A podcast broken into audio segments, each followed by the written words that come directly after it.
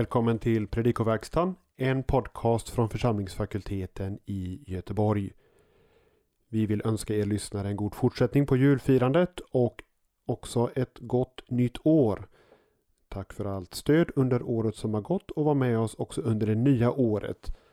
I en switchkova på nummer 123 100 8457 och ta del av vad som är aktuellt under våren på vår hemsida www.ffg.se aktuellt. Där finns vårens program och särskilt på gång är vår predikohelg den 12 och 13 januari med ett uppföljande homiletiskt seminarium på måndagen den 15 januari. Gå in som sagt på vår hemsida och få mer information och gör din anmälan. Men nu kommande helgdags text och Daniel Johanssons genomgång. God lyssning. Första årgångens evangelium för nyårsdagen är bara en vers, Lukas 2.21. På grekiska lyder texten så här. Kai hotte epläste sanhemerai okto to peritemein auton. Kai eklethe to onoma auto Jesus. To klethen hypoto angelo proto sylemthenai auton nt koilia. Versen innehåller ett par svårigheter. Ordagrant inleds versen så här. När åtta dagar uppfyllts att omskära honom. Frågan är vilken typ av infinitiv eh, to peritemein är. Någon menar att den är final och har betydelsen för att omskära honom. Någon annan att den är konsekutiv så att han skulle omskäras. den kan också vara exegetisk och förklara innehållet i uppfyllelsen av de åtta dagarna. Någon av de senare två förklaringarna är troligast eftersom fokus inte ligger på omskärelsen utan namngivandet. Det här eh, reflekteras också av de svenska översättningarna när åtta dagar gått och man skulle omskära honom. De svenska översättningarna, både Folkbibeln och Bibel 2000, lägger här till barnet eller pojken. På grekiska används bara det personliga pronomenet han. Vissa handskrifter, till exempel Codex, Bes, Codex Besai, har förtydligat på samma sätt som de svenska översättningarna och lagt till Topaidion, barnet. På en punkt vill jag dock kritisera Bibel 2000 och Folkbibeln. Översättningen när åtta dagar gått ger intrycket av att omskärelsen skedde efter att åtta dagar gått. Men innebörden i formuleringen när åtta dagar uppfyllts måste vara att den åttonde dagen är inne. Jämför här till exempel med kapitel 1, vers 57 där vi har en liknande konstruktion och eh, vers 59 i kapitel 1 där det framgår att omskärelsen sker på dag 8. Det vill säga om Jesus föddes en söndag, den första veckodagen, omskars han söndagen därpå, den åttonde dagen. Alltså en vecka senare. Nästa sats inleds Kai ekläthe och han kallades.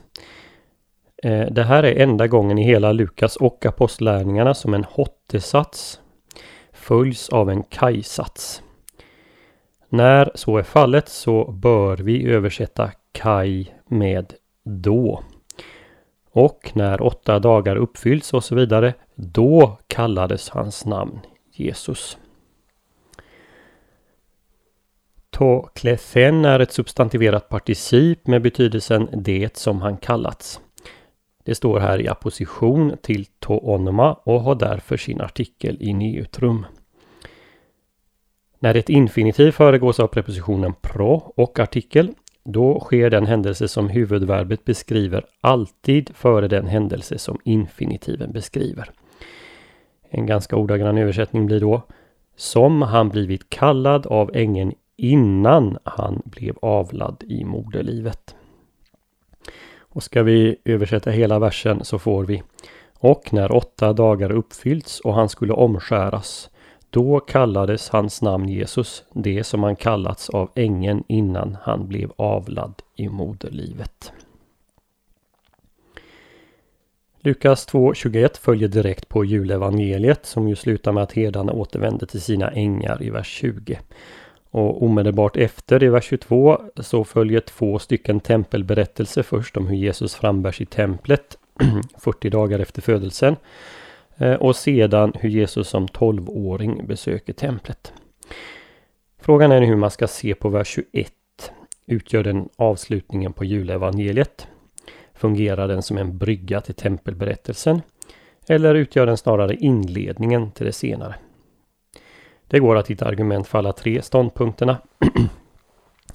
Men eftersom den typiska lukanska markören för ett nytt avsnitt är Geneto och det hände, eller Kai Geneto och det hände, eh, saknas här så är det kanske bäst att betrakta födelse, omskärelse och frambärandet i templet med de profetier som då framförs som en helhet. Parallellerna mellan Johannes döparens eh, och Jesu födelse talar också för det. För i båda fallen så berättas om deras födelse, om omskärelse och det profeteras om vad de ska bli av Sakarias respektive Simeon i templet. Majoriteten av kommentarer som jag har sett på eh, de betraktar dock vers 21 som inledning till avsnittet som handlar om frambärandet i templet. Lukas 2.21 knyter an till två händelser som Lukas berättat om i kapitel 1. Dels omskärelsen och namngivandet av Johannes i kapitel 1, vers 59-64. Dels bebådelsen och ängens uppenbarelse av namnet Jesus till Maria i 1.31. Det finns åtminstone tre direkta paralleller mellan vår vers och det som skett med Johannes. I båda fallen uppenbarar ängeln Gabriel vad barnen ska heta. 1.13 respektive 1.31. I båda fallen omnämns deras omskärelse 1.59 och 2.21.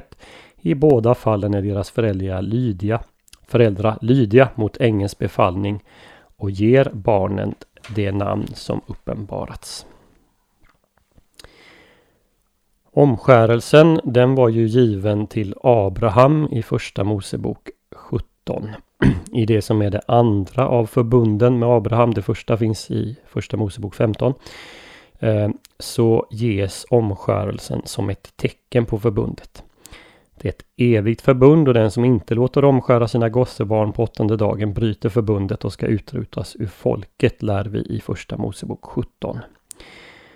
Sen ser vi i första Mosebok 21.4 hur Abraham lyder Gud och omskär Isak på den åttonde dagen.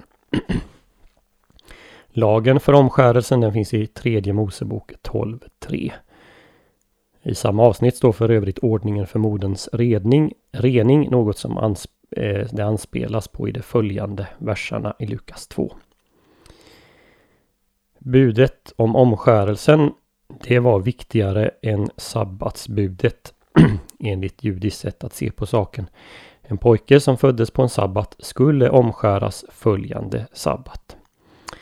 Vid Jesu tid var omskärelsen en av identitetsmarkörerna för en jude tillsammans med sabbatsbudet för vilket judarna ansågs lata och de olika matreglerna. Omskärelsen det var något som greker och romare såg ner på och föraktade. Hedningar som attraherades till Israels Gud kunde gå långt i laguppfyllelse men det sista steget att låta omskära sig och därmed konvertera det var ett stort och ett svårt steg. Eftersom många av Lukas åhörare eller läsare var hedningar så bör ju det som står här om Jesu omskärelse läsas i ljuset av Apostlagärningarna 15 som beskriver kontroversen som uppstod om huruvida de heda kristna eh, behövde omskäras. Så om vi läser det i ljuset av Lukas och Apostlagärningarna som helhet kan vi dra två slutsatser.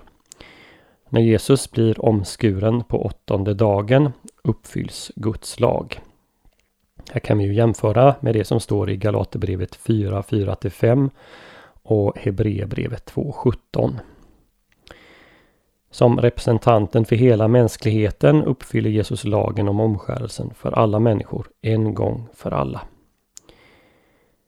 Det är nog inte heller för mycket att säga att han också utgjuter sitt blod för första gången. Åtminstone i folkliga judiska föreställningar så tänkte man sig att det blod som utgöts vid omskärelsen verkade soning hos Gud. Det är kanske att pressa det för långt men en koppling till Lukas 22.20 är inte omöjlig. förbund och utgjutande av blod är en del av omskärelsen även om Lukas inte explicit eh, säger något om det. Betoningen i vers 21 ligger dock inte på omskärelsen utan på namngivandet så som det framgår av hur meningen har konstruerats grammatiskt. Den explicita poängen är att föräldrarna lyder Guds ord genom ängeln Gabriel och ger Jesus det namn han ska ha. Lukas är sparsam med detaljerna. Han säger inget om namnets betydelse så som sker i Matteus 1.21. Man kan ju undra om Lukas helt enkelt tar för givet att hans läsare vet betydelsen. Att Lukas själv vet betydelsen, ja det framgår av den antydan som finns i Apostlagärningarna 4, 11-12 där namnet Jesus som omnämns i vers 11 knyts ihop med frälsning i vers 12. Och under himlen finns inget annat namn som människor fått genom vilket vi blir frälsta. Eh, det tillfälle då Jesus fått detta namn, ja det tog det varit här i Lukas eh, 2.21. Återigen inte explicit men implicit finns en koppling mellan namngivandet, omskärelsen och hans uppdrag att frälsa världen. Den uppmärksamma läsaren eh, kan också notera att det namn som nu ges eh, är ett namn som senare kommer ha en sådan stor betydelse i Lukas framställning. För genom det namnet så kastas det ut onda andar. Syndernas förlåtelse predikades i Jesu namn. Människor botas. Bara genom det namnet blir man frälst. Och så vidare. Eh, jag listar en del av dessa många ställen. Några i Lukas men flertalet från Apostlagärningarna. De finns i pdfen till den här podden på vår hemsida. Hur kommer det sig då att namnet mm, gavs till både Johannes och Jesus i samband med omskärelsen? Det finns inga belägg i Gamla Testamentet för att namnet gavs på den åttonde dagen. Men troligen hade det blivit sed vid den här tiden att namngivningen skedde i samband med omskärelsen. Eh, I så fall är de här båda beläggen från Lukas evangeliet de tidigaste beläggen för en sådan sed bland judarna som vi kan finna eh, i senare texter. Möjligen eh, var det den grekiska seden att namnge en nyfödd på sjunde eller tionde dagen som kommit att påverka judendomen här. Vi ska komma ihåg att man varit 300 år under hellenistisk influens vid tiden för Jesu födelse. Eh, och möjligen hade den här seden övertagits men då hos judarna kopplats till omskärelsen på åttonde dagen.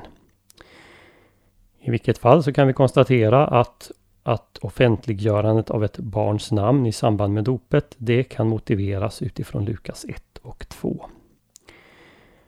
Vad är då huvudpoängen i Lukas 1.21? En del menar att den är att Jesus identifierar sig med sitt folk som deras representant genom omskärelsen eller eh, som hela mänsklighetens ställföreträdare. Och visst är det en riktig iakttagelse, men det är nog inte Lukas huvudpoäng. Den måste anses vara att Jesu föräldrar framställs som lydiga mot lagen och mot ängens budskap. Josef och Maria, likt Sakarias och Elisabet, följer och lyder Guds ord.